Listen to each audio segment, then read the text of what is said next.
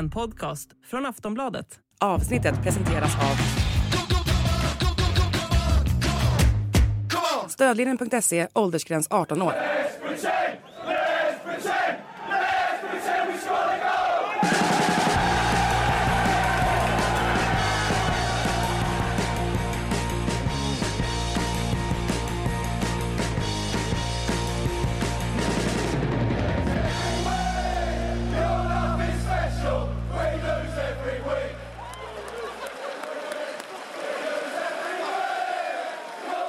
Sportbladets Premier League-podd eh, samlade här den 12 februari. Vi har en omgång att eh, blicka tillbaks på. Frida, du har eh, via sociala medier meddelat det fina vädret ni har i, i, i London och det, jag är vansinnigt avundsjuk på er.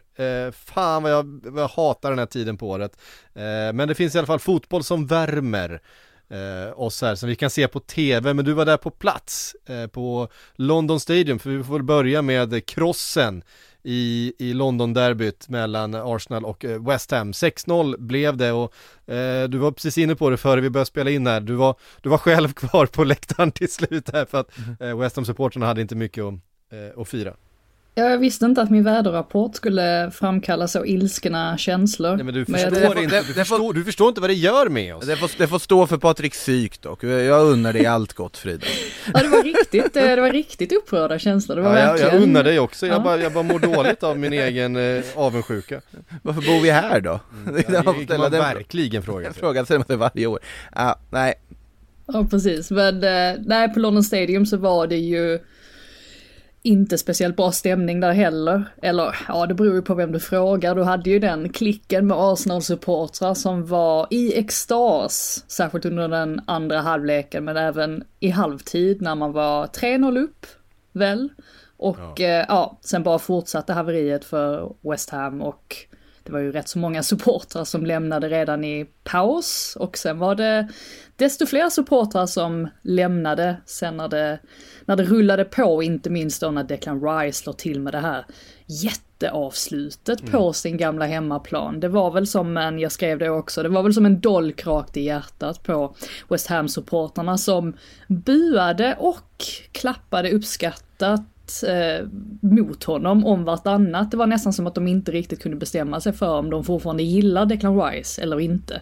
Men det där var väl på något sätt eh, sista droppen som fick bägaren att eh, rinna över. En fruktansvärd dag för David Moyes och det är inte ofta vi ser hans lag kollapsa rent försvarsmässigt på det här sättet. Arsenal, visserligen väldigt bra på fasta situationer, har gjort flest mål på fasta situationer nu av alla lag i hela ligan. Men samtidigt så, West Ham kunde ha gjort mer för att stoppa Arsenal och det gjorde de inte. Nej, det blir också ett problem så när man som David Moyes ställer upp ett lag för att försvara. För det var en, en ganska defensiv uppställning. Eh, det var ändå hyfsat spelmässigt jämnt de första 30 minuterna före 1-0 målet kom. Arsenal var klart bättre om man sa det var en helt annan kvalitet. Men, men eh, West Ham lyckades ändå försvara så långt eh, Eh, ganska bra. Det var inte så att eh, Arsenal radade upp eh, hundraprocentiga målchanser före dess. Och West Ham stack upp med eh, Bowen hade något avslut och sådär. Ja men det var lite så här väntad matchbild ändå fram till dess. Men sen då när Arsenal får det 1-0 och så 2-0 ganska snart efter eh, på straff då. Ja men då funkar ju inte den här uppställningen. Du kan inte, du kan inte ha den här, den här inställningen och den här matchplanen att vi ska liksom, vi ska vara riskminimerande, vi ska vara svåra att bryta ner. Eh, för då måste du framåt och eh, när då när det redan har börjat liksom eh, eh, vara hål bakåt i det här bygget, ja, men då finns ju ingenting kvar i, i West Ham. Jag menar, det, det här är ju den stora, stora faran med att ställa upp så riskminimerande som Moyes gör, för funkar det inte, men det finns inget annat, det finns ingen annan väg tillbaks in i matchen för de fick dem. ju bli lite för bekväma i det också. Det är ju en sak om du ställer upp så och släpper in ett mål direkt och måste ställa om, men här så hann de ju liksom jobba sig in i den här matchplanen. Sen så är det ju i grunden bedrövligt försvarsspel på fasta situationer som eh, som på något sätt startar den här kollapsen är väl känslan. Sen absolut, Arsenal är ju otroligt skickliga på dem också. Eh, jag har varit fundersam varför Declan Rice går ut och slår hörner ibland tidigare, men det gör han ju med, med bravur, så det ska man inte ifrågasätta något mer. Eh, hade ju lite assist förutom det här drömmålet också dessutom i den här matchen, men sen eh, Ja, det är väldigt svårt att ställa om i ett sånt läge när du har hunnit bli bekväm i att bara, bara ligga hem och riskminimera. Men sen också, titta på vad West Ham har gjort i januari. De har plockat bort all bredd de hade offensivt, de har inte värvat en ny forward. De har inte så mycket att jobba med. De har Bowen, de har uh, Kudos. Ja, that's it nästan. Det var det jag, ja precis, jag tänkte också påpeka det att de, de har ju haft en, en del skador. Jag menar Lucas Paquetá, den effekten han har haft på West Ham den här säsongen när han har spelat, den mm. har ju gjort på något sätt att den här uppställningen med Kudos och Bowen faktiskt har fungerat. Men sen har han fallit bort och i en sån här match mot Arsenal så saknade man väl antagligen också Antonio med tanke på att Bowen var ju på något sätt själv mot fyra mittbackar för att Arsenal spelade den här matchen med fyra mittbackar och det, det blir svårt för honom att göra någonting då. Kudus hade ju inte heller eh, ja, han var inte heller involverad i spelet på det sättet som man verkligen vill. Också då med ett mittfält som inte fungerade alls i den här matchen och då dåligt försvarsspel på fasta situationer. Det var ju allt som ja, man inte kan göra mot Arsenal, då kommer man släppa in mål och det, ja, det är så det blir i slutändan här också. Jag, jag undrar en sak eh, som är lite relevant för det här. TV-produktionerna till Premier League, har de alltid på plats en drönare förberedd för att skicka ut utanför arenan när de inser att nu kommer folk gå hem innan paus. För jag, jag ja, att det... det... ja, nej men det har de ju. Eh, absolut. Alltså man, man ser framför sig scenerna i kontrollrummet då när, när Arsenal har gjort tre mål på fem minuter. De alltså, vi måste ut drönare nu, ut utanför arenan och plocka för det, plötsligt dyker de alltid upp och det, det ger någonting såklart och det ger, då förstår man liksom sammanhanget om hur, hur uselt det här är för, för West Ham också när man ser det verkligen. Jag har inte tänkt på att det kanske är unikt för England. Eh, jag är så van vid att de visar den typen av bilder, men det är det kanske. Det kanske, andra ligor kanske inte gör det på samma sätt. Ja men just att det är ju alltid när det är massa folk som går hem och det är ett hemmalag som har kollapsat, det är ju då vi får se de här drönarbilderna utanför Ja men man får ju se dem innan matcherna också, att de gör någon sån drönarbild jo, över in, hela innan, innan absolut, men det gör de i andra ligor också. Men med, då måste ju drönaren hänga kvar där uppe. Det är klart den gör, men de har, de har kameror överallt. Ja. Det är ju en eh, Eh, det är ett riktigt money shot såklart. Det, eh, vi sitter här och pratar om det. Vi har ju sett sådana här bilder förut när ett bortalag liksom stänger ja. ner en hemmapublik och bara eh, ja, läk läktarna töms. Eh, det finns ju något väldigt speciellt med det. West Ham var dåliga men Arsenal var ju såklart också bra Frida. Eh, jag ja. tror att Arsenal-supportrarna blir, blir besvikna om vi bara eh, kategoriserar det här som ett misslyckande utav Moyes. Eh, för det här var en framgång för Arteta som inte minst då där målskyttet har varit det stora frågetecknet den här säsongen. Vi vet att försvaret är jättebra, vi vet att mittfältet är jättebra, men det är målskyttet som har eh, varit problemet. Här gör man sex mål, eh, två mål av Bukayo Saka, det behövde nog han. Uh, har uh, visserligen gjort en del mål men menar, han är ju inte en uh, Han kommer nog aldrig kanske vara en skytteliga vinnare Från den positionen och med den rollen och spelstilen han har. Men han behöver ju ändå leverera poäng kontinuerligt. Två mål av honom Jätteviktigt. Kai, ja, alltså Kai minst fick, fick peta alltså, in den.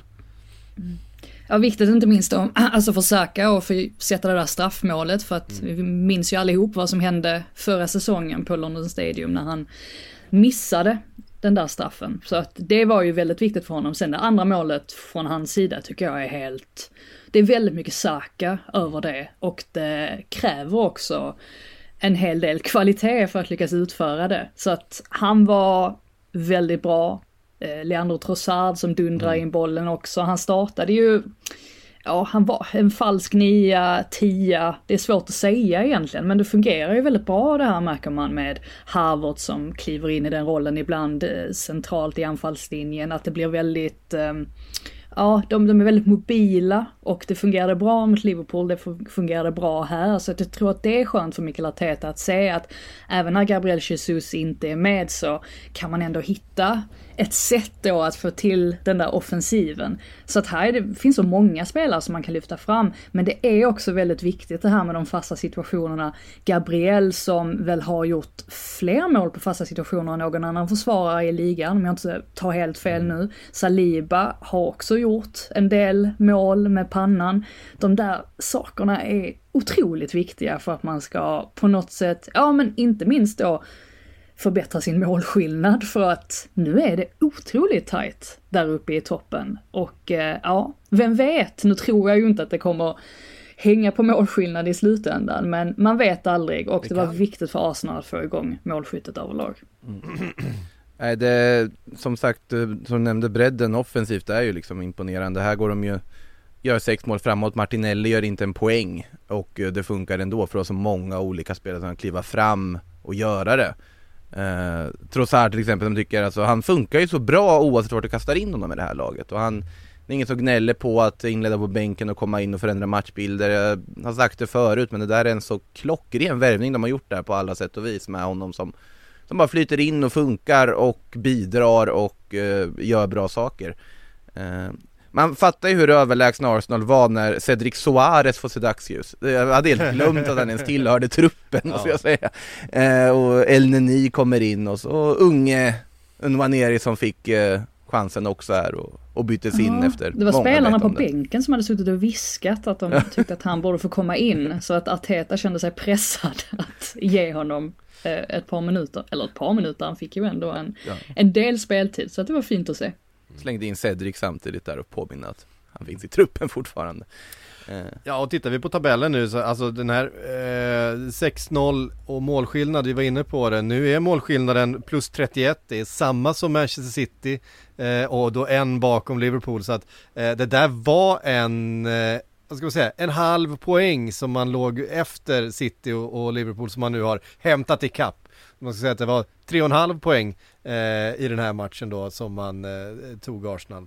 Eh, för det där kan, det där, man vet inte, det kommer kunna vara eh, extremt jämnt eh, där uppe. Både mm. City och Liverpool tog ju eh, hyfsat halvstabila eh, trepoängare mot lite beskedligare, jag vet inte hur mycket beskedligare motståndet var än just West Ham i den här matchen.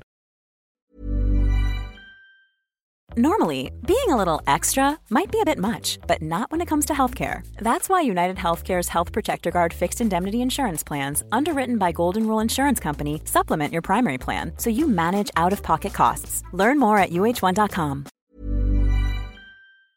Vi tar oss eh, från Eh, London Stadium till eh, Villa Park först, där eh, får vi ändå kalla det en sexpoängsmatch här mellan Aston Villa och Manchester United i kampen om Champions League-platser. Jag såg att det var någon som skrev att det var 70% chans ungefär att en femteplats i, i ligan också blir en Champions League-plats. Uh, nu att det är ganska stor sannolikhet att det trots allt blir så till slut. Vi får väl se, det är inte helt givet. Ehm, Spurs är ju där såklart, vi kommer att prata om dem också. Eh, och deras viktiga poäng de fick med sig. Manchester United och Aston Villa precis bakom. Eh, och United har ju lite, lite mark att ta i kapp. Eh, även upp till femteplatsen, så är det ju. Och eh, viktigt då att få med sig alla tre. Vem är det som fixar det? Om inte Scott McTominay, såklart! Han är ju den som gör det. Vi kan, vi kan tycka väldigt mycket om Scott McTominay, att han i många matcher inte räcker till och att eh, det finns stora brister i hans spel. Men om det är någonting han har Frida, så är det förmågan att plocka fram ett avgörande mål när det verkligen behövs. Ja, i alla fall den här säsongen. Och det är ju lite speciellt att se Marcus Rashford bli utbytt för McTominay. och, och, se, och, och att de ökar sitt offensiva hot genom att göra det. Ja men precis, och det är väl i den rollen han ska spela egentligen, McTominay. Han ska ligga lite högre upp, han ska inte vara den här spelaren med en massa ansvar centralt i planen och det är inte han som ska länka upp utan han ska befinna sig på rätt plats vid rätt tillfälle och när han gör det, då gör han ju de här målen. Vad står han på nu? Sju väl? Och det är ju bäst i i Man United och jag tror till och med att han har gjort fler mål den här säsongen kontra sina tidigare tre säsonger tillsammans. Så det säger ju också någonting om den här nya rollen som man har, eller den här mer framåtlutade offensiva rollen. Och sen får man ju faktiskt hylla Dalot igen också. Vi har mm. gjort det rätt så mycket den här säsongen, men jag slås ändå en gång av dels att han slår det här David Beckham-esk eh, inlägget, men också hur han har utvecklat sin defensiva sida. Jag tycker att han har tagit enorma kliv där och han var riktigt bra i den här matchen. Det var ju många som, som gjorde det bra också, men jag tänker Höjlund måste man ju lyfta också som mål igen. Äh, mål igen, ja precis. Också rätt plats vid rätt tidpunkt verkligen. Sen såklart, det här, McTominay var ju på något sätt skillnaden i den här matchen ändå för att här ska ju egentligen Villa med vanlig utdelning få med sig mer än vad de får. Ja. Eh, men då får man ju lyfta, Onana gör en jättefin match också. Ja, jag tycker nästan, äh, äh, kanske är det egentligen Onana mer än McTominay som är den stora poängvinnaren här mm. för att eh, inte minst då det här skottet från, från McGinn i första, det var så fruktansvärt hårt han nyper till med vänstern. Alltså, jag, det var någonting med, eh, med just det skottet som jag tyckte var, eh, eh, det bara small till och när han är där, det är klart att det inte, bollen sitter inte i krysset, men det är inte helt rakt på heller. Det där är ett mål som, eh, eller en boll som faktiskt ganska ofta eh, hamnar i, i, i, nät och jag tyckte Onana var jätte, jättebra den här matchen. Eh, och det är klart att han får mycket bollar mitt på sig, men det handlar ju också om ett fotarbete innan, eh, alltså Ehm, ja, man tycker att bollen går mitt på målvakten. Ja, men det är ju för att målvakten har tagit rätt position. Eh, det är ju också ett väldigt bra eh, målvaktsarbete och eh, i ett lag som vinner, i ett bra lag, behöver du en bra målvakt. Det är inte, det är inte en ursäkt att säga att ja, men vi vann matchen, ja, fast vi, våra målvakt gjorde många räddningar. Eh, han är ju också en del utav laget. Eh, och i den här matchen var, blev han ju avgörande, definitivt, för Aston Villa skapade ju mer än vad Manchester United gjorde, eh, får man vara riktigt ärlig och säga. Ja, jag tror att Emery känner att han fick både saker rätt men också saker fel. För de hade ju övertaget på sin vänsterkant och sen tänkte de väl när Luke Shaw klev av för Lindelöf att nu ska vi överbelasta högerkanten. Och det misstaget han gör är väl att han plockar av Leon Bailey egentligen. För att jag tror att Lindelöf var ganska nöjd över det. För att han hade det tufft när de såg till att dubbla upp på honom. Så med facit i hand så tappar ju Villa initiativet på grund av det. Så jag tror att Emery kommer gräma sig lite för att man såg på honom också längs sidlinjen att han precis innan Man Uniteds mål så står han ju upp och är alltså, mer hetlevrad än vanligt. Och jag tror det var för att han kände på sig att det här kan möjligtvis sluta illa. Trots att de hade skapat så många chanser tidigare i matchen. Ja, och när, alltså när kvitteringen kommer för Villa, då, då kände jag att, eh, nej nu vinner de det här. Eh, för att de hade varit ett, ett lite vassare lag. Det var inte så att det var, var överlägset på något sätt, men jag tyckte att Villa hade varit det bättre laget under matchen. Inte fått in bollen, och Nan hade gjort flera fina räddningar, Olly Watkins hade missat, han hade ju ett jättefint läge där när han, när han då träffar Onana i bröstet tror jag från ganska kort håll. Eh, vilket jag såg flera beskriva som ett svagt avslut, men jag tycker att det är framförallt ett väldigt fint målvaktsspel utav eh, Onana att stå på rätt ställe, eh, att, att kliva in rätt i den situationen. Ehm, och så får de det där kvitteringsmålet och tänker man, ah, nu fick de in det, nu kommer liksom den här pressen där, eh, ändå spelövertaget på mitten, för det var framförallt centralt som, som jag tyckte Villa var, var bättre. Ehm, och ehm, så blev det inte. Eh, det, det tror jag är otroligt viktigt och nu lever det här verkligen för eh, Manchester United och den här fjärde platsen eller femte platsen eh, vad det nu blir, den, eh, den har man ju rejält tänkt på. Hade Villa istället gjort det här målet och då hade ju United känts lite avhängda faktiskt från, från topp fem. Eh, ja. Inte minst med tanke på hur, hur Tottenham reagerade i sin match och, och, fick med sig alla tre poängen där. Så att, eh, väldigt viktigt för, för fortsättningen utav den här eh, säsongen också för Manchester United och, och vind i seglen såklart. Men på tal om målskillnad så står alltså Man United på noll mål ja. nu. Och, ja, det är ju eh, faktiskt... Ja, eh, det säger en del på något sätt mm. om vilken typ av säsong de har haft. Och att det måste till någonting mer för att man ska bli riktigt övertygad av dem. Mm. Men nu, nu vinner de ju ändå matcher. De har ju ändå börjat vinna matcher nu, är ju känslan. Att de är ändå på något sätt åt rätt bättre, håll. Det har blivit mer stabilt. Ja det är, det är klart mer stabilt, jag tycker att man har någonting på gång i eh, Alltså med att satsa på Garnacho och Höjlund och framme, Meino och Casemiro som mitt, mittfältspar som verkligen har blivit en rätt konstellation för deras del. Kan vi, kan vi säga någonting om Casemiros reaktion när han fick det gula kortet? Alltså det är för jävla roligt. han vädjade, han vädjade till alla, till alla, Alla, alla, inne på Villa Park. Alltså, det var ju inte gult kort. Nej nej, Han var ju väldigt, var ju väldigt inkonsekvent tyckte jag med hur korten flög i den här matchen, det måste jag ju säga. domaren var, ja Varann skulle ju haft ett solklart gult som han inte fick eh, strax innan och det var, ja men det var flera tillfällen. Jag får väl var- tacka Casemiro för att han inte fick det då, för det var Casemiros reaktion som fick domaren att tänka ett extra varv på att ge till kort där senare. Nej det var, sen eh, förutom eh, något annat som vart liksom så här meme-kompatibelt förutom då Casemiros reaktion var väl ändå Douglas Luiz firande också. Som Ja. väl inte åldrade särskilt väl med tanke på att de ändå förlorade matchen. Nej, Eh, men ja, det, nej, det var, var matchens stora höjdpunkt ändå när Casemiro verkligen inte förstod varför han hade fått han gult. stannade så länge i karaktären. det var som att han liksom, ja vi har förstått, vi har förstått. Du tyckte inte att det här var, att det här var korrekt, det är okej. Du kommer inte hjälpa. Uh, nej, det var roligt. Ehm, Tre blytunga poäng eh, då till eh, Manchester United, tre blytunga poäng till Tottenham också som eh, var illa ute igen. Det är inte första gången Frida som de har eh, fått vända ett underläge till seger. Eh, det som var mm, framförallt viktigt i den här matchen, eh, eller det som stack ut tycker jag, det är ju bredden de visar upp nu. Jag menar de slänger in eh, Brennan Johnson, de slänger in Huminson från bänken eh, till ett redan bra lag tycker jag. Jag menar det här är en eh, eh en bredd som vi kanske inte har förknippat med, med Spurs tidigare under säsongen. Nej, absolut. Nu när spelare dels börjar komma tillbaka från skada, man har sina nyförvärv, man eh, ja, har spelare tillbaka från eh, Afghan. Nu ser man ju precis som du är inne på där, verkligen att det, det finns mycket att ta av. Och det är vissa som har varit oroliga för att det här kommer påverka Kulusevskis speltid. Men jag tror inte att det behöver vara negativt för hans del heller. Jag, jag tror ändå att Postecoglou, visserligen blir han utbytt relativt tidigt i den här matchen och det gillade han ju inte. Det var ju väldigt synbart redan i 63 minuten va.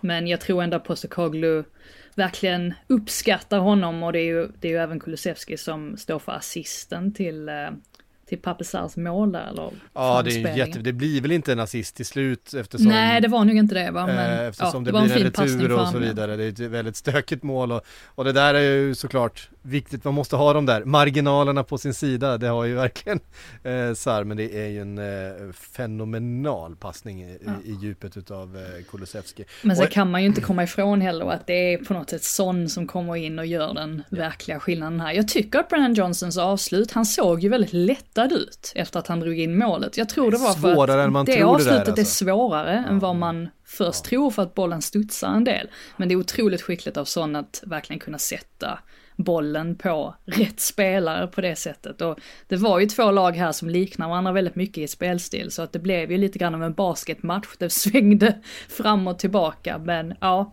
en otroligt tung seger för eh, Tottenham. Som, som du var inne på, de har ju väldigt, nu när Son är tillbaka och allt också, Brennan Johnson kommer ju med en otrolig offensiv bredd ändå just nu.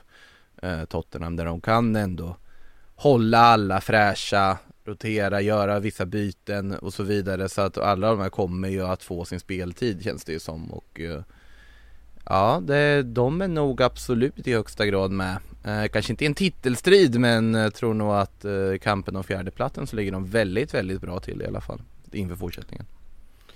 Bara säga någonting om Brighton också där, Mm. stackars assisterande tränaren Maldeda som, eh, han fick ju vikariera för De Cherby som var hemma i Italien och återhämtade sig efter en, eh, ja, tand, eh, han hade haft lite En, tandproblem. en, en, en eh, eh, dental surgery. Vet, vet, vad det första, Precis. vet vad det första jag tänkte på? När jag hörde att han var iväg på dental surgery. Det är så här man förbereder sig för att skriva ner i Jürgen Klopps skor. Så måste man Ja. först fixa Jag vet inte tänderna. riktigt, jag tänkte typ en visdomstand eller så, men du tänker Men, så. men, vis, vis, visdomstand, då är man inte borta på det sättet. Eh, jag, har oper, jag har opererat bort några stycken. Såklart du har. Men ja men alltså det har det- jag också. Och jag var ganska illa däran i ett bra tag efteråt. Så att det kan nog vara lite olika. Men eh, oavsett så hade ju stackars Maldera, han hade ingen röst kvar efteråt. Han lät som en förkyld Sean Dyche. Det var, ja, Stackarn. Ja, Brighton hade kanske behövt en Simone Adingra Eh, Han var bra i som, eh, eh, som i var där. fantastiskt bra i, i Afcon-finalen som spelades igår. Eh, hade, de hade behövt den spetsen faktiskt. Han har ju haft en, en, en fin, fin säsong verkligen. Eh, måste säga, det, var en, det var en underhållande final. Mm. Eh, dessutom, mål av eh, Sebastian Allaire. Vilken story. Ja, lite Zlatan-vibes Ja, ändå, verkligen. även om jag inte kan minnas att han har gjort ett mål med tån sådär. Men... Jo då, det Snyggt, va? Är rätt säker på att han gjorde ett nästan exakt sånt eh, för PSG. Ja, det var väldigt Eh, Zlatanesk liksom ja. just den här Mm. styrningen och att ha den liksom eh, Långa benen Ja. framför försvararen. sådär. atletiska skarven på något sätt. Som, som, det var Är väldigt det Adingra som spelade in bollen där? Det borde nästan Ja, vara det är va? Tror Eh. Från den Det positionen. slog mig också att Max Gradle fortfarande spelar fotboll. Det var ett namn man inte hade hört på väldigt länge under den här finalen. Gradle. Eh, nej, det, det, det, det är väldigt roligt med Afrikanska mästerskapen att man är såhär, jaha, är han? Jaha, Jean-Michel Seri sprang omkring på mittfältet. Exakt, Jean-Michel Seri känd, känd, känd för att vara otroligt hypad en, en sommar, en, var bekymrad över sin köldallergi som han påstår Sen blev det inte så bra i fullan för Jean-Michel Seri. Kul för honom att ha vunnit Afghan nu dock. Verkligen inte. Eh, ja, verkligen en, en eh, fantastisk, eh, fantastisk final. Eh, på många sätt då. Eh, viktigt för Tottenham här att ta tre poäng såklart. Jag menar, Brennan Johnson, är det väl matchens sista spark typ. Eh, så de tar de här tre poängen och ganska tungt för Brighton. Det går knackigt Frida. Ja, men de spelar med hög risk också. Så att då kan det här eventuellt hända. Nu har de ju också fått tillbaka lite spelare och jag tycker ju... Jag hade velat säga någonting om Pascal Gross förra veckan för att då var han fenomenal. Jag tyckte han var bra i den här matchen också. Eh, Det är, det är slående ändå att det är Pascal Gross som som har blivit så viktig för Brighton. Men jag, jag tror väl inte att det är ingen fara på taket så, även om de ju har halkat efter lite och ligger nia i tabellen och sådär. Men det är så här det blir ibland för dem. Eh, de kommer släppa in mål med det sättet de spelar på, men de kommer också kunna straffa sina motståndare. Så att med lite flyt så hade de fått med sig någonting från den här matchen. Det här är väl mer deras normalläge sett till Alltså spelarmaterial och så vidare och eh, man får komma ihåg att det som hände förra säsongen var ju en stor del en överprestation också. Sett till materialet de har. Eh, så att det här känns väl, det är ganska, det är inte oväntat att de svajar den här säsongen överhuvudtaget. Med, och de har ändå hanterat Europa bra samtidigt så att det var väl skönt för dem att Mittoma fick spela hela matchen här nu också. Men någonting man ändå ska komma bra ihåg är, alltså på tal om det här med David Moyes så det är ju många som vill säga att han ska få sparken nu och sådär. West, West Ham ligger trots allt före Brighton i tabellen på visst. åttonde plats, en poäng fler än vad Brighton har. Så bara, man, ibland måste man på något sätt eh, ta ett kliv tillbaka och spana in tabellen och tänka att ja, West Ham, de spelar kanske inte den roligaste fotbollen i Premier League, men de har ju ändå de gjort inte. det hyfsat bra den här säsongen. Sen, Eh, på sen, samma poäng som eh, Newcastle och eh, vi kanske ska ta oss till, eh, till Nottingham då och eh, Forest Newcastle som var en svängig historia. Eh, riktigt, riktigt jämnt. Vi stod och tittade på highlights här eh, inför inspelningen eh, Makoto och konstaterade att det är inte världens speed i den där Newcastle backlinjen och Sagan om de tre tornen är det väl där bak plus, Ja. plus en till ytterback. Eh, så att, alltså ehm, eh, är det, det är kvitteringen va? Eh, 1-1 målet. Ett, ett, ett målet där så är det ju, vad heter det. Elanga som bara kommer springande rakt mitt emellan eh, det är två fyrtorn där och sen. Helt sjukt hur han kan vara först på den bollen med tanke på utgångsläget. Eh, där han är liksom två meter bakom eh, försvararna och är en meter framför dem när han, han når bollen och kan peta in den mellan, eh, mellan benen på, på Dubravka. Jättefint mål, fin framspelning utav eh, Gibbs White också tror jag det var. Eh, men eh, det där de skulle behöva en eh, mer rörlig mittback. Det syntes eh, i ett par situationer faktiskt i den här matchen. Alltså Eh, jag det tycker kunde- nästan att det är mittfältet som är problemet. Att de, de blev alldeles för öppna om tänker Mm, det på också. den situationen. Alltså Gibbs White ser ju på något sätt luckan och tar den. Ibland kan jag tycka att de blir, de blir väldigt öppna på mittfältet och det i sin tur påverkar defensiven. Sen är det klart att de har inte gjort det tillräckligt bra defensivt. Det har å andra sidan inte Forrest heller så att det var på något sätt därför Newcastle ändå lyckades få med sig alla tre poängen här för att om Arsenal är bäst i ligan på fasta situationer så är väl Forest möjligtvis då sämst. Sen, alltså var det en variant, en inövad variant, eh, Gimarais eh, 1-0 mål? Eller var det, var det en improvisation? Nej, jag tror inte det var improvisation. Jag tror att det var... För att det Bestämt. såg misslyckat ut. Det såg ut som en misslyckad bakrullning först eftersom eh, pressen kom så tight från eh, Forrest. Det är det Alanga som, som pressar inlägget där, men det är ju ett eh, helt magiskt Alltså avslut. avslutet var improviserat, det var ju inte inövat i alla fall. Avslutet är så fint från eh, Gimarais alltså på, på Jag gillar, tycker nästan att det målet är skickligare än det andra. Alltså det, hans andra mål är ju väldigt välplacerat Mm, och sådär, men det krävs mycket teknik för att få till det där första Ja, målet. ju. Alltså Ja, det, jag håller det, det är väl nästan inte ens en diskussion eller på att säga att det första målet han, han gör är liksom mer tekniskt fulländat på något sätt. Det är otroligt vackert avslut. Sen, alltså avslutet däremellan där ska ju inte heller förglömmas tycker jag från, från Kjär där också. Det var ju, var ju inte dåligt där heller. Eh, Framspelad Nej, av. Bortman, hur många gånger ser man det? En mittback till en mittback. Ja, exakt. Eh, bara de slipper springa, eh, springa kapp med eh, Antonio Langa för många gånger på en match så, så har de ju sina fördelar de två, det, det får man verkligen säga. Det är ett jättefint mittbackspar. Eh, men som sagt, jag, jag kan tycka att de är lite väl eh, orörliga. I, Ja det är lite jobbigt med Avoni också ska vi väl säga. Eh, ja. Avoni var ju också där och skulle det varit straff, Frida? Ja, man, Hade ni, ja, Ja, vi hade var jag- lite Jag oense hade nog inte protesterat. Om Mm. det, Jag Det är tycker straff. att det finns för tillräckligt många kontakter i den situationen som inte har någon boll som intention, om vi säger så. ja. Eh, Samtidigt, han har inte riktigt kontroll på bollen själv heller. Det kanske inte ska spela någon roll, jag vet inte. Det, det, det, det Men- påverkar mig lite grann Men det är i mitt, väldigt eh, bra- i min bedömning. Det är väldigt bra, eh, vad heter det, exempel den här situationen. Att visa att det finns inte alltid rätt eller fel, rakt av svart på vitt i sådana situationer. Eh, det, det, man kan absolut säga att det är straff, man kan absolut säga att det inte är straff. Det där är en liksom sån situation tycker jag, där det verkligen går att diskutera och inget av dem egentligen är fel. Jag skulle, det, är, väl framförallt den sista då, eh, handen från Dubravka. Eh, det, det tycker jag är den, men då är bollen typ utanför planen redan. Alltså den har studsat ifrån, han har ingen möjlighet att nå bollen vid det läget. Ja, skitsamma, det blev inte straff. Det var en, eh, en tight situation som hade kunnat påverka såklart. häpnadsväckande nog så landar Newcastle på ett expected goals på 0,48. Kontra då Forest 1,50. 0,48 och också gör man tre mål. Det säger väl en del om vilken kvalitet det var på de där avsluten också. Ja, Verkligen. och att eh, expected goals inte alltid berättar hela historien.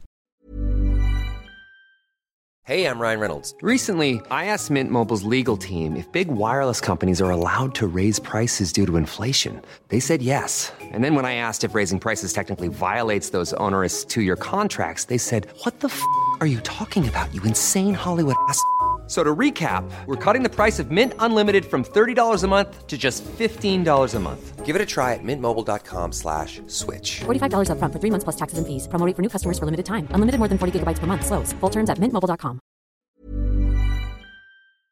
Vi var inne på att det var en sexpoängsmatch eh, på Villa Park. Det var också en sexpoängsmatch får vi väl ändå säga mellan eh, Luton och Sheffield United. Ett sånt där halmstrå för avhängda eh, Sheffield United eh, i botten.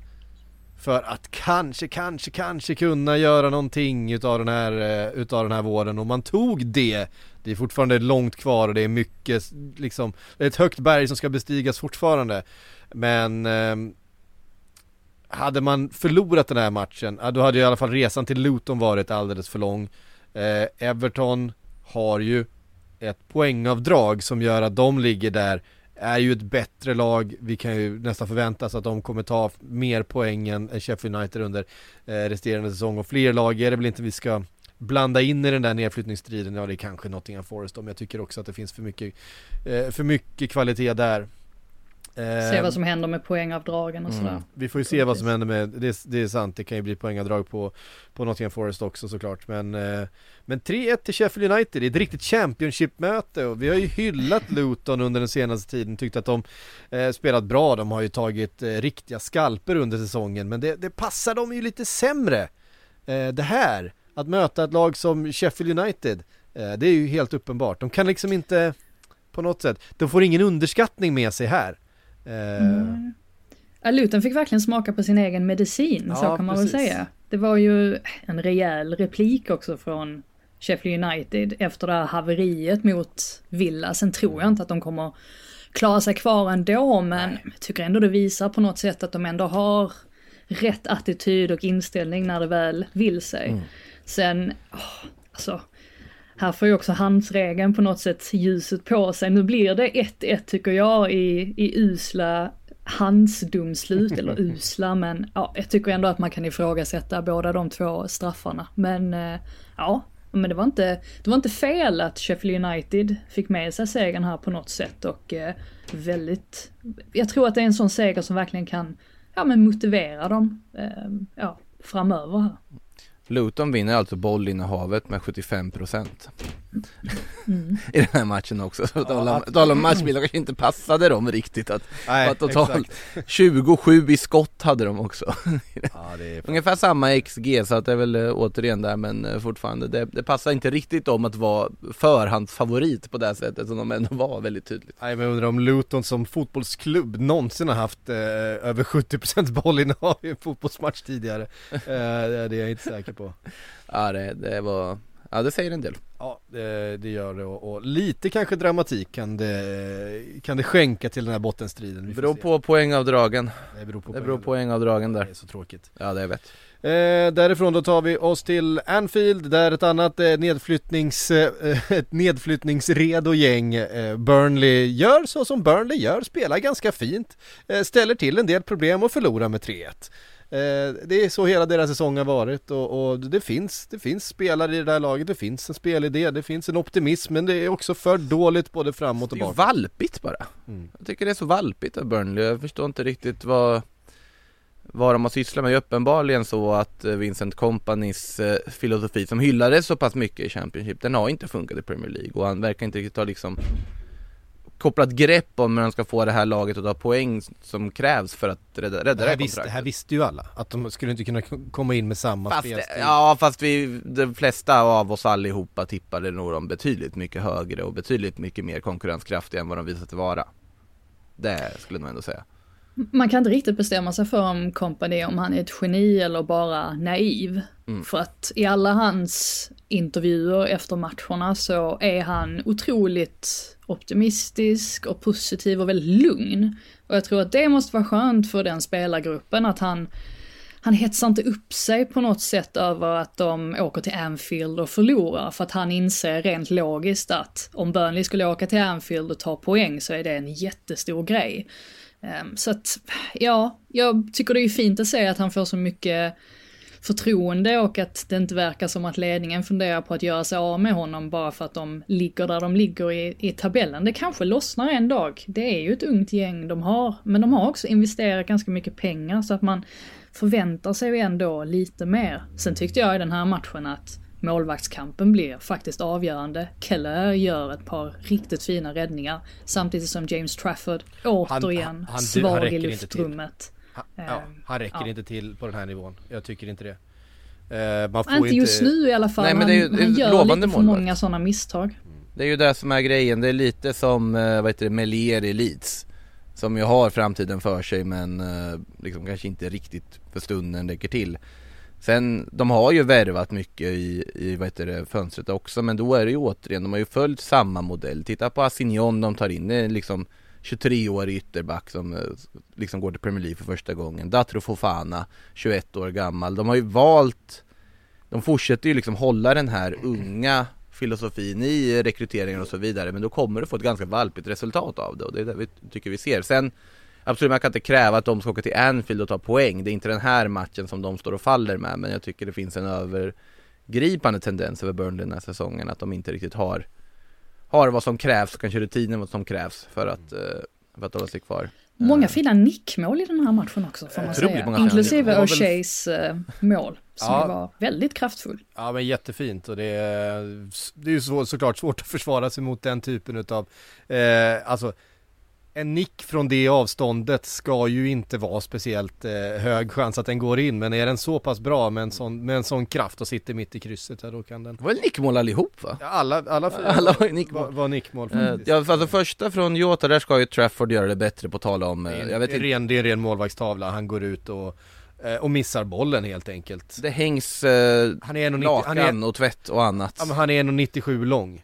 Jag menar har man en, har man en så pass lång målvakt så, eh, så ska man kunna lita på att det där utrymmet är hans. Bollen ska inte bara dimpa ner i pannan på Diogo Jota som står bakom honom och så är det 1-0. Re- Resten tycker jag väl inte riktigt man klandrar honom för, alltså Diaz eh, nick tycker jag är mer liksom är påpasslig, smart Ja, löpning absolut. och hela den biten och, och Darwin Nunez nick kanske är den liksom skickligaste av dem alla. Ja den är, den är Ja, faktiskt den är fenomenal. riktigt, riktigt bra alltså. Det krävs. Burnley strular ju också till det själva. Det är ju, de tappar ju bollen ett par gånger där i farligt läge var det blir mål vid ett av tillfällena i alla fall. Det är också en sån där grej att ibland kanske de ska se till att vara lite mer påslagna när de befinner sig kring eget straffområde och ska försöka spela ut kort. Harvey Elliott kom ju in i den här matchen och, och eh, ja, på bekostnad av Alexander Arnold, för att säga någonting om honom också, går ut skadad igen då, det kä- känning på samma skada igen. Eh, före dess, det är han som slår den här hörnan eh, som trillar ner i huvudet på, på Diogo Jota, då blev han ju faktiskt den försvarsspelare med flest assist i Premier Leagues historia. Eh, 25 år gammal. Det var väl ingen.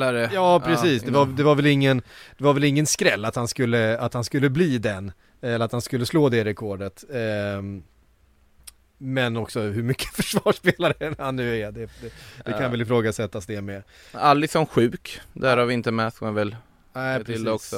Eh, Både Alisson och någon till tror jag Ryan Gravenberg var väl också Ja det är väl någonting som har gått runt där i laget pratar vi Klopp om det Ja. som var eh, Precis och såklart Mohamed Salah fortfarande borta Dominic Soboslaj eh, också borta eh, Så att det är ett ganska eh, Konaté avstängd ändå tillbaks Ändå tillbaks eh, och det eh, tillät ju McAllister att kliva lite högre upp i, i banan och, och gör det ju helt okej. Eh, Han, han gör ju han- McAllister är ju en sån här spelare som aldrig gör, eller han, vid något tillfälle när han efter någon Mm. landslagsuppehåll där så gjorde han en Mot riktigt svag Wolves match. var han inte bra under den här första halvleken på Nej, och han led fortfarande av någon syrebrist där från Bolivias eh, hemmaarena. Men, eh, men i övrigt så får man ju nästan alltid åtminstone en sexa sjua utav eh, McAllister vart man än sätter honom på planen. Sen fick ju Curtis Jones gå ner och spela, spela högerback eh, med tanke på att Conor Bradley fortfarande då eh, befinner sig utanför laget efter sin eh, tragedi eh, från förra helgen och, och eh, ja, det var ett, ett, ett, ett skevt eh, Liverpool på många sätt men de, men de redde ut det och det skulle man ju göra på hemmaplan mot Burnley. Eh, allt annat hade ju varit eh, oacceptabelt eh, faktiskt i den situationen man befinner sig i, vilket är högst upp i tabellen med Manchester City jagandes. Eh, Pep Guardiola har inte alltid haft det så lätt mot just Everton.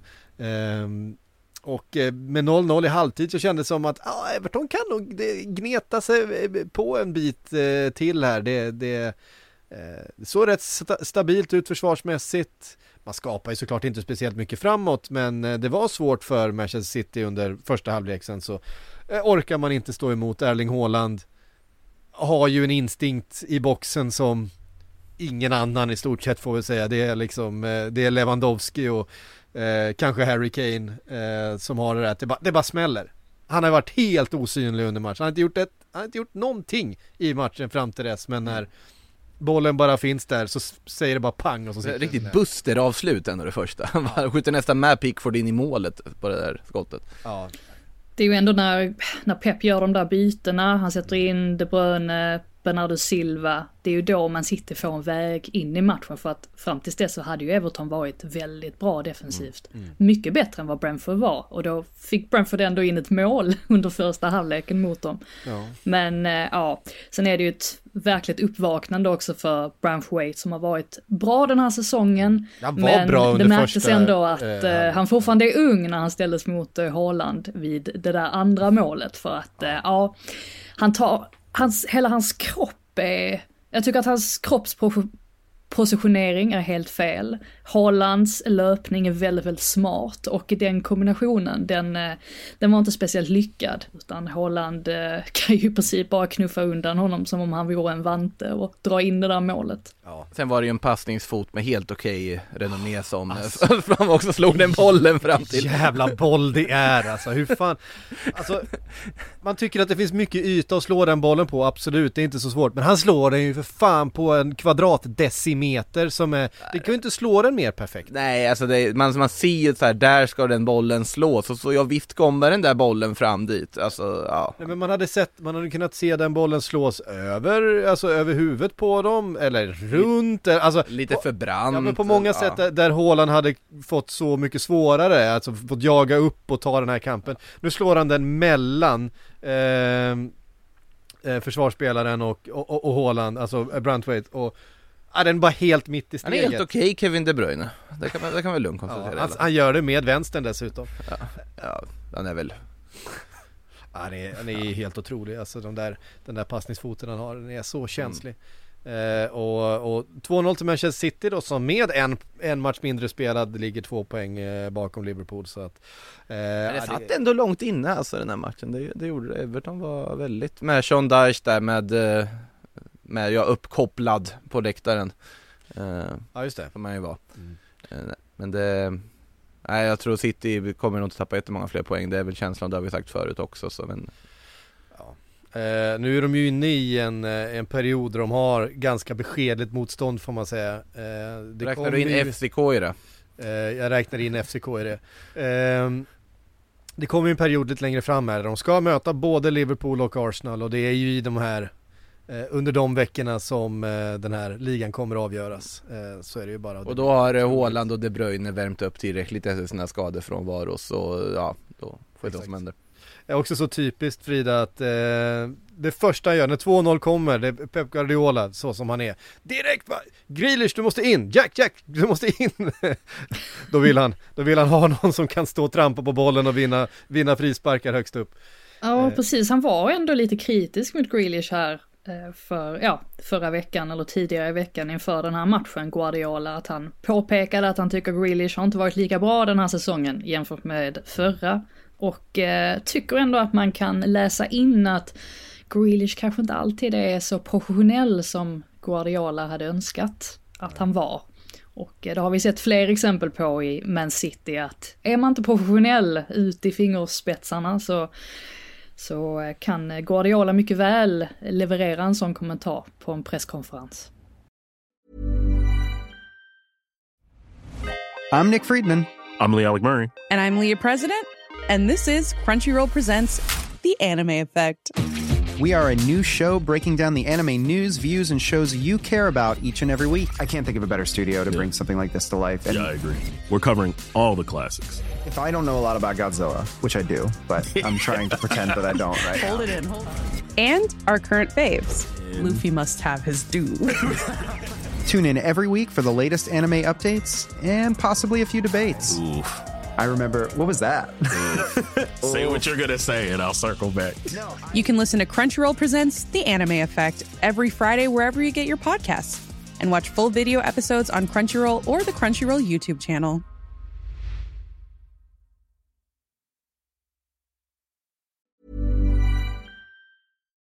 Mittenmöte, Wolves Brentford. Eh, 2-0 blev det där. Jag, jag var, hade Wolves som stora favoriter faktiskt inför den här matchen. Jag tyckte de, eh, tycker de har haft en eh, fin trend. Eh, men eh, Nörgård och Ivan Tony ville annat. Ivan Tony som också hade en del att säga runt sin situation i Brentford. Ja, de är ju, Tony och Mupé är ju, det måste vara ligans mest omaka men mest välfungerande anfallsduo. Dels det här med att de, ja, rent längdmässigt skiljer sig åt något eh, otroligt. Det är lite som Tom och Jerry, tycker jag. Att de, eh, ja, eh, de fungerar helt enkelt bra ihop, även fast de inte borde göra det. Och ja, Wolves och Brentford har ju mötts många gånger den senaste månaden. Jag tror det är att de har mötts fyra gånger på 45 dagar eller någonting sånt. Och det här var Brentfords första seger. Så att fjärde gången gilt för dem och det var verkligen en classic Brentford-insats. Tycker att de gör det bra egentligen i, i samtliga lagdelar och eh, en som faktiskt har börjat revanschera sig lite grann och inte minst gjorde det i mötet med Man City är ju faktiskt målvakten, Fläcken, som eh, vi har varit på lite grann och eh, det är många fler som har varit det och han har ju faktiskt inte levt upp till måttet alls men han gjorde ju en eh, fantastisk insats mot Man City där han radade upp räddningar och eh, ja, han var inte dum här heller så att nej, tre fina poäng för Brentford. Mm. Ändå med sorg man konstaterar att Neil Mopez målsvit tog slut ändå här. Alltså han hade ju alltså gjort mål i varje match det här kalenderåret. Fem raka tävlingsmatcher har han nätat i. Eh, han har krupit under skinnet på desto många fler. Det är lite synd att, att de här fan, fan, fan vad han är bra! Ja, men alltså, alltså så här, att Brentford City hamnade fel för vår podd, så att vi inte fick liksom avhandla mm. hela det, när Mopé versus Kyle Walker. Han måste ju ha sagt någonting om hans barn och alltså... Det var ju det som han ja, hade sagt. De, de ja. Daily Mail kallade ju in någon läppläsare, det är så klassiskt, att en tabloid gör någonting sånt. Som eh, listade ut, eller som hävdar i alla fall, att eh, Walker gick fram till domaren och sa att han sa när han pratade om mina barn flera gånger. Och eh, jag var på den presskonferensen efter matchen när Pep Guardiola fick en fråga från någon Sky-reporter om, ja men vad vad sa egentligen Mopé till Walker och Guardiola ville ju inte alls prata om det. Han slog ner det direkt och bara No, I'm not gonna comment on that, not gonna comment on that. Så man fick känslan av att mm, det var nog inget eh, helt rumsrent som kom från eh, Mopé i det läget. Men ja, vem är förvånad? Ingen alls. Och, sen, och sen, sen, innan där och målgestgate när han eh, snor Madisons målgest. Ja, precis, när han ska dart. Alltså, man får ge Mopé att han är, han är ju väldigt påläst. Han går ju in i en match och har gjort, han har ju, han liksom, han har ju förberett sig. Han vet vad han, vad han ja, kan trycka på, han vet precis vad han kan göra och nu har han också gjort mål också så är det... Ja, sen det konstiga med det när han snor Madisons målgest, det är ju att Saka gjorde ju samma sak i mötet med Tottenham. Att han, men, men det blir ju annorlunda för att han känner ju Madison väldigt väl. Mopé är ju bara sån där, han, han går ju runt här och, och alla tror att han är det största aset som någonsin har eh, levt på den här planeten. Sen verkar det som att han är otroligt trevlig och snäll vid sidan om planen, men att det här är hans grej. Han vill helt enkelt få spelare ur balans och det, ja, det är därför han gör det här, men eh, Ja, fortsätt säger jag. Det är uh, han har en supporter här i alla fall, det kan jag säga. Det, jag tycker ja, ja. det är helt underbart. Just, just han är så påläst också. Han hittar alltid någonting att peta på. Uh, är det... Och gör mål dessutom, varit bra, det ska vi lägga till också nu att han har faktiskt kommit igång även om han inte gjorde mål här nu då. Eh, lite äldre lyssnare kanske kommer ihåg eh, John Fashionew, en eh, inte helt rumsren fotbollsspelare som var en del av Crazy Gang. Eh, med, eh, ja, med Wimbledon då eh, för länge, länge, länge, länge sedan. Han brukade också läsa på eh, om domaren. För att ställa sig in och, och, säga några fina saker. Jag hoppas det gick bra på, på fotbollsmatchen med grabben i helgen och sådär inför. För att visste han att, ja men första är nog fri ändå. Om jag, om jag har chitchattat lite med domaren och varit lite personlig så vet jag att den första stämplingen i knähöjd den kommer bara, den kommer bara ge en, en frispark. Då har jag liksom en, en till godo. Eh, han, han, brukar också ställa sig och, och måtta karatesparkar i luften under uppvärmningen och stirra motståndarna i ögonen och sådana saker. Ska vi, alltså med, med våran liksom ändå gemensam på något sätt hyllning till sånt här, ska vi bara konstatera att det här med blått kort som de pratat om, det kan de bara slänga. Alltså det, det vill vi inte ha. Fast jag är lite intresserad av att veta, hur blir det om en målvakt får ett blått kort? Vad ja, händer då? Exakt. Ska, man, ska en utespelare ställa sig i mål i tio minuter? Har, har, de tänkt, har de tänkt så långt tror du? Nej, antagligen inte. Men det vore ju väldigt intressant att se, typ om Man City spelar. Ederson är ju ändå som han är. Kompatibel att dra blåa kort. Kompatibel att Martinez. ta på sig ett blått kort. Och att Kyle Walker måste gå och ställa sig i mål då. Han kan ju göra det och har gjort det förr. Det kan med, han. Eh, ja, ändå. Ja, då får de väl ta, ja, är det, nej jag säger bara sin bins eh, rakt in, in the bin så att säga. Jag tycker inte, varför ska man ändra någonting som, alltså det hör ju till sådana här typer av saker hör till, Neil Mopé hör till eh, fotbollen på något sätt. Så nej, jag, han skulle få sitta där och ofta kan jag tänka mig, ifall det där infördes. Eh, ja, eh, Klopp var väl ute och kommenterade det här också, eh, mer eller mindre. Ja, tänk om vi hade haft blåa kort i den här matchen. Då hade vi varit nere på 5-6 spelare var vid tillfällen efter mötet med Burnley. Framförallt ska väl kortet vara orange också? Det är helt orimligt, vad ska blått in för? Ja, Det har vi i grönt kort va, i, i knatteserierna som man delar ut efter matchen till någon som har eh, Utmärkt sig på ett positivt ut, ut, Utmärkt sig på ett sportsligt sätt eh, på olika sätt, ja men så är det ju. Oj, Eh, jaha. det, det delar man ut till vad, alltså motståndarlaget eh, hemmatränare, alltså säga, tränaren för det ena laget han ger ett grönt kort till spelare i motståndarlaget för, eh, ja. Förr i tiden så var grönt kort någonting man använde för att spela golf Det kanske det fortfarande är. Det kanske det fortfarande är, det vet jag inte. Men eh, ja. Behöver man grönt kort för discgolf? Nej, Nej. nej, gud nej, vi håller inte på med sådana snobberier. Ehm, Vi har en match kvar va, det är den mellan Fulham och Bournemouth som vi inte har eh, kommenterat än. Fulham vann den med 3-1, eh, lite förvånande för mig också. Bobby de Cordova Rid eh, öppnade mål Så roligt namn alltså Ja, eh, man, det är en sån spelare jag är väldigt eh, svag för. Eh, men också sådär att när Bournemouth fick sitt så här 2-1 reducering så tog det en minut innan Rodrigo Muniz eh, gjorde eh, 3-1 och dödade matchen.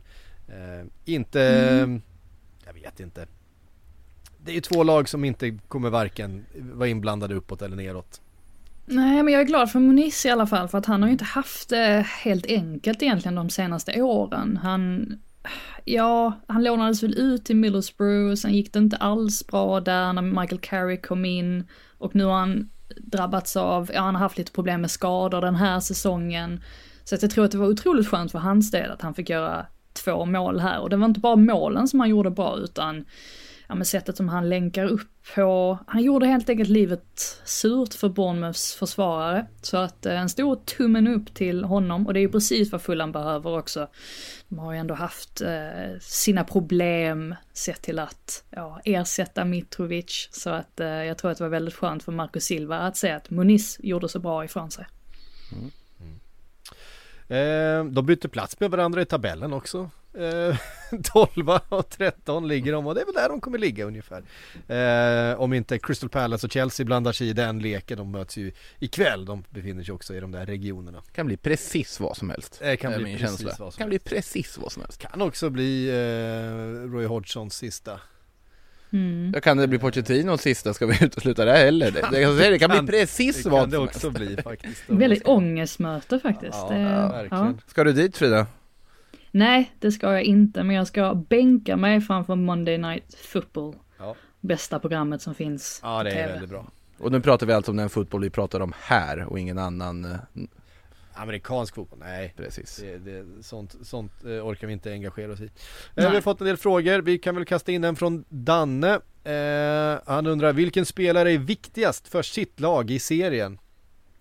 Eh, ja det finns ju såklart några stycken. Neil Maupin nej, nej, nej men eh, Alltså Vad du menar en, alltså att det skulle vara ett lag som har en spelare som är Ja, viktigare? den enskilt viktigaste, vi kan ju peka på hur viktig Paketa har varit för West Ham till exempel, hur prestationerna har sett ut med och utan honom. mm, Palinja skulle man ju kunna säga också. Palinja är eh, bra shout där också Mm. Ehm, Topplagen tycker jag inte att det finns någon sån riktigt, eh, Hur skulle Everton funka utan Tarkovsky? Ja, eh, den, eh, alltså Man Man var ju United, inget topplag. Nej, jag, vet Ehm, men Rodri har vi ju sett är otroligt viktigt Rodri för, Manchester City. Rodri skulle jag nog lägga väldigt högt där faktiskt Mm. Ehm, Jag tycker han är Vicario kanske i Tottenham. Ja fast alltså Rodri Ja, ja. På tal om Vicario så märkte ni det att nu hade de ju tänkt till i den här matchen mot Brighton att nu sätter de ju en spelare som ska hjälpa Vicario att eh, ja, skydda sig på fasta situationer. Det var bara intressant för vi pratade ju om det förra veckan att han nog behöver hjälp i de lägena och det fick han ju nu. Och där var någon videosekvens på Madison som blev viral när Madison liksom, är det Welbeck som är på honom? Det måste nästan vara det. Nej, Bon, kan det ha varit Buonanotte? Ja, jag kommer inte ihåg. Men det är någon spelare i alla fall som försöker störa Vicario och så står Madison där som en sorts bodyguard. Men det funkade ju. Eh, Tobias Lindberg skriver, eh, vad har hänt med Harry Maguire? För ett år sedan var han världsfotbollens största meme. Den senaste har han sett ut som den mittback man trodde man skulle få när man slog transferrekordet för försvarare för några år sedan. Det har han gjort hela den här säsongen skulle jag säga Eh, Faktiskt, så att eh, sen Vad det har att göra med är ju svårt att säga sen om det är att han har liksom lyst i i och med att det är andra spelare i United som inte kanske har briljerat på samma vis och han har steppat upp då, det vet jag inte men eh, någonting är det i alla fall för att han har ju varit eh, klockren den här säsongen tycker jag. Ja, han har, alltså, jag tycker framförallt, han har inte stuckit ut, det är inte så att han har eh, sett ut som Gabriel eller liksom Prime van Dijk på det sättet, men han har framförallt inte gjort några misstag. Eh, han har heller inte spelats på ett sätt som liksom verkligen inte passar honom, utan han har kanske fått eh, det är väl också Ten Hag som också förstått hur han ska använda eh, Maguire eh, på det- ett sätt som funkar. Sen tycker jag att, att eh, Luke Shaw har varit väldigt bra, han tyckte han var bra i den här matchen också, defensivt.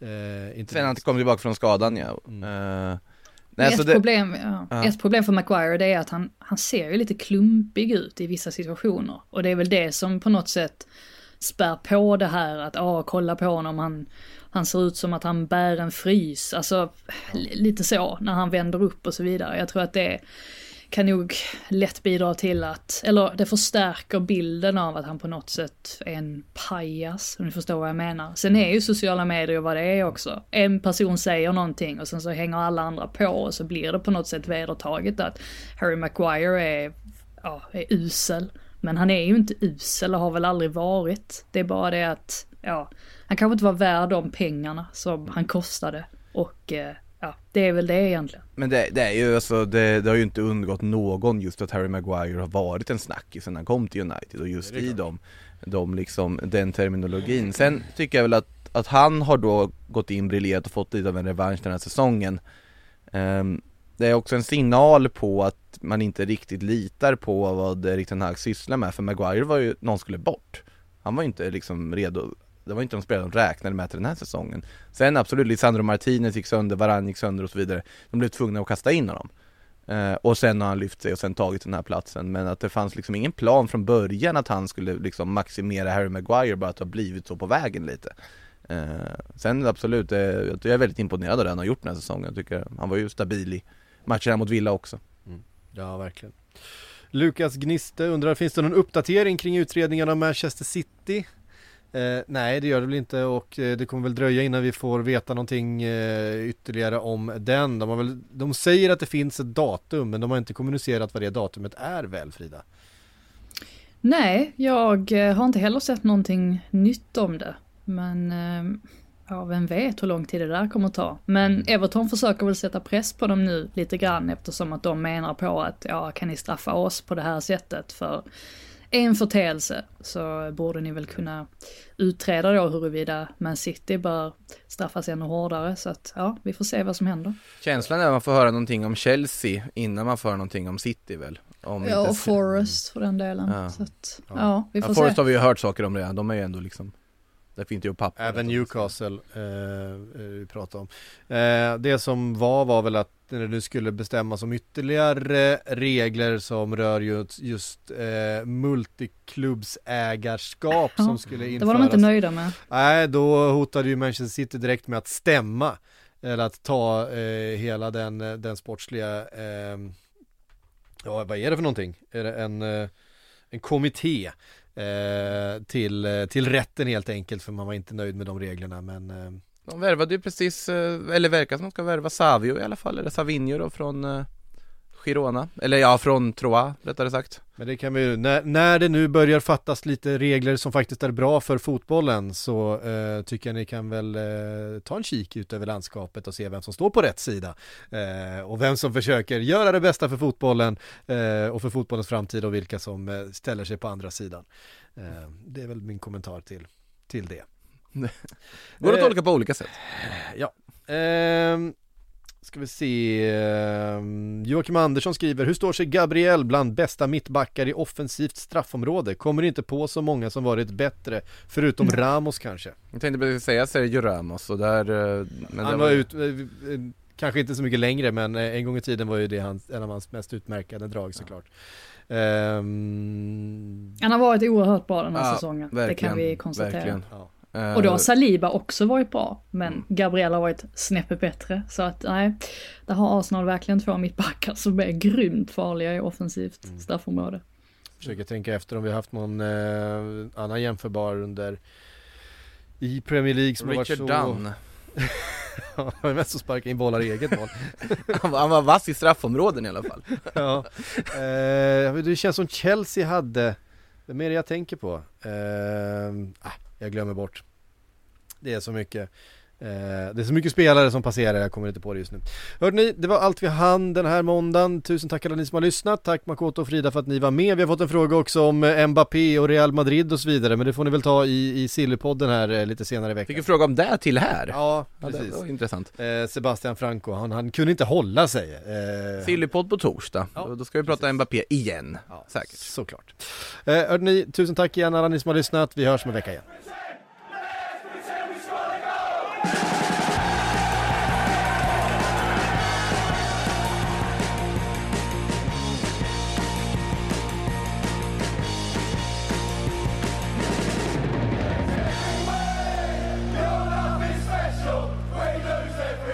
Du har lyssnat på en podcast från Aftonbladet. Ansvarig utgivare är Lena K Samuelsson.